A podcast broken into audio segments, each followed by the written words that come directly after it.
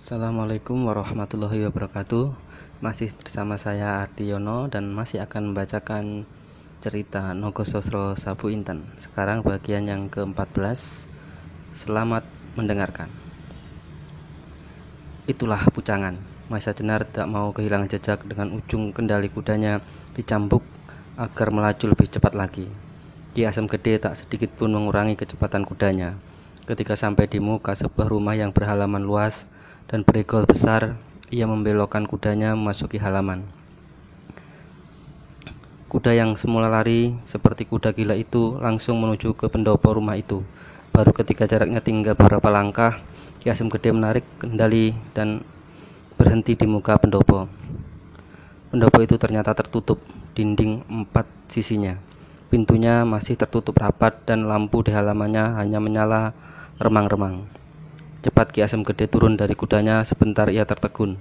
Tempat ini tampaknya sunyi, tapi ia yakin kalau putrinya berada di tempat itu.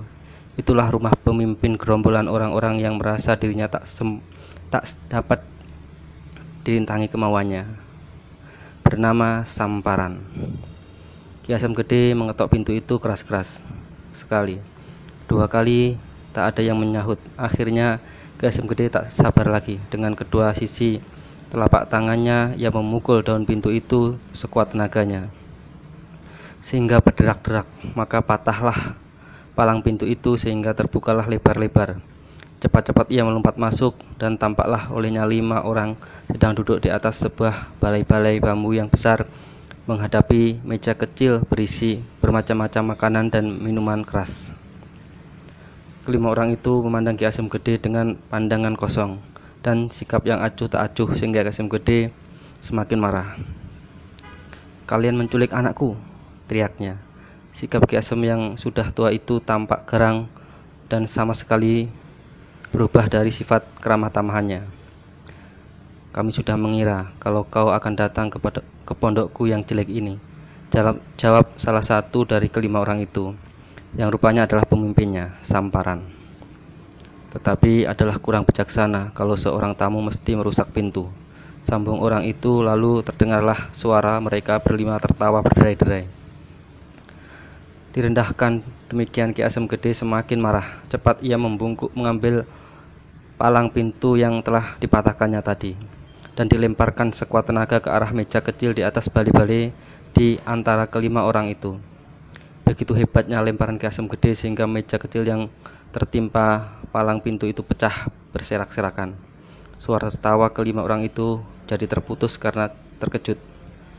Mereka cepat-cepat melompat menjauh dan turun dari balai-balai itu. Mereka sama sekali tidak mengira kalau orang tua itu memiliki tenaga yang sedemikian kuatnya. Sebentar kemudian terdengar samparan tertawa terbak-bak. Bagus, bagus, alangkah hebatnya, kata samparan. Ki Asam Gede sudah tidak mau mendengarkan lagi. Kembali ia berteriak, aku datang untuk mengambil anakku. Lagi samparan tertawa, tapi kali ini tawanya dingin. Kami telah berbuat sesuatu kebaikan bagi penduduk di sekitar daerah ini dengan menyimpan anakmu. Apa kau bilang? Potong kiasam gede. Anakmu telah melakukan perbuatan-perbuatan terkutuk dengan mengganggu ketentraman rumah tangga orang, meskipun ia sudah bersuami. Omong kosong, teriak Ki Asem Gede semakin marah. Kembali samparan tertawa. Sudah, Seharusnya kau tidak percaya sebab kau ayahnya, tetapi ketahuilah bahwa di daerah ini telah timbul keributan karena pokal anakmu. Bahkan lebih dari itu, di daerah di daerah barat daya telah timbul wabah penyakit. Kau tahu sebabnya? Ketahuilah bahwa itu disebabkan karena salah istrimu itu pula. Sehingga dayang-dayangnya menjadi marah sambung samparan. Kiasem gede sudah sampai pada puncak kemarahannya sehingga seluruh tubuhnya bergetar. Ia tahu benar betapa liciknya orang-orang itu dan betapa pandainya mereka memutar balikkan katanya. Kata Samparan, jawab Kasim Gede dengan suara yang menggigil. Aku tahu siapakah kau. Jadi kau tak usahlah banyak bicara di hadapanku. Kasim Gede sudah sampai pada puncak kemarahannya, sehingga seluruh tubuhnya bergetar. Ia tahu benar betapa liciknya orang-orang itu, dan betapa pandainya mereka memutar balik kenyataan. Samparan, jawab Ki Asem Gede dengan suara menggigil. Aku tahu siapa kau. Jadi kau tak usah banyak bicara di hadapanku. Aku tahu bahwa anakku menolak menuruti kehendakmu dan kawan-kawanmu yang bergerombolan iblis ini. Sehingga sehingga kau terpaksa menculiknya dan menyimpannya. Sekarang aku minta anakku itu kau serahkan padaku.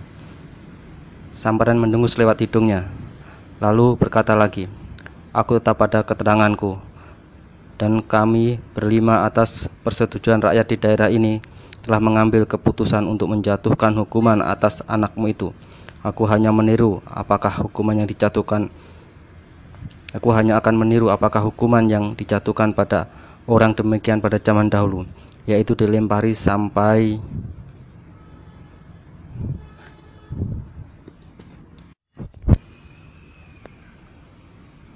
Hukuman yaitu dijatuhkan pada orang demikian pada zaman dahulu, yaitu dilempari batu sampai mati. Mendengar jawaban itu, tubuh Ki Asem Gede semakin menggigil dan giginya gemeretak menahan marah yang hampir meledak. Hanya Sultan di Demak yang berhak menjatuhkan hukuman mati, atau orang yang telah mendapatkan kuasanya. Orang-orang pucangan ini pun telah berhak melakukan itu, apalagi orang-orang pucangan itu pun tak berhak melakukan itu, apalagi iblis-iblis macam kau ini, teriak Ki Asem Gede. Samparan mengangguk-angguk lalu kembali terdengar tawa iblisnya. Betul, betul, Ki Asem Gede, tapi di daerah terpencil sejauh ini, jari-jari kekuasaan Demak tak begitu terasa.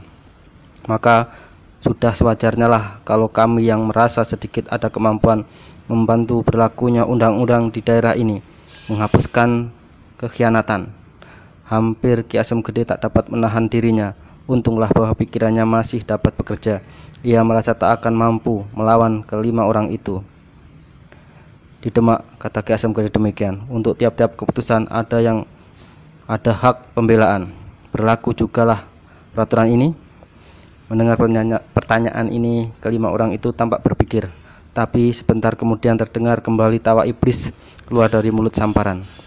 Kau cerdik sekali Kasim Gede. Kau ingin menjadikan persoalan ini menjadi persoalan umum.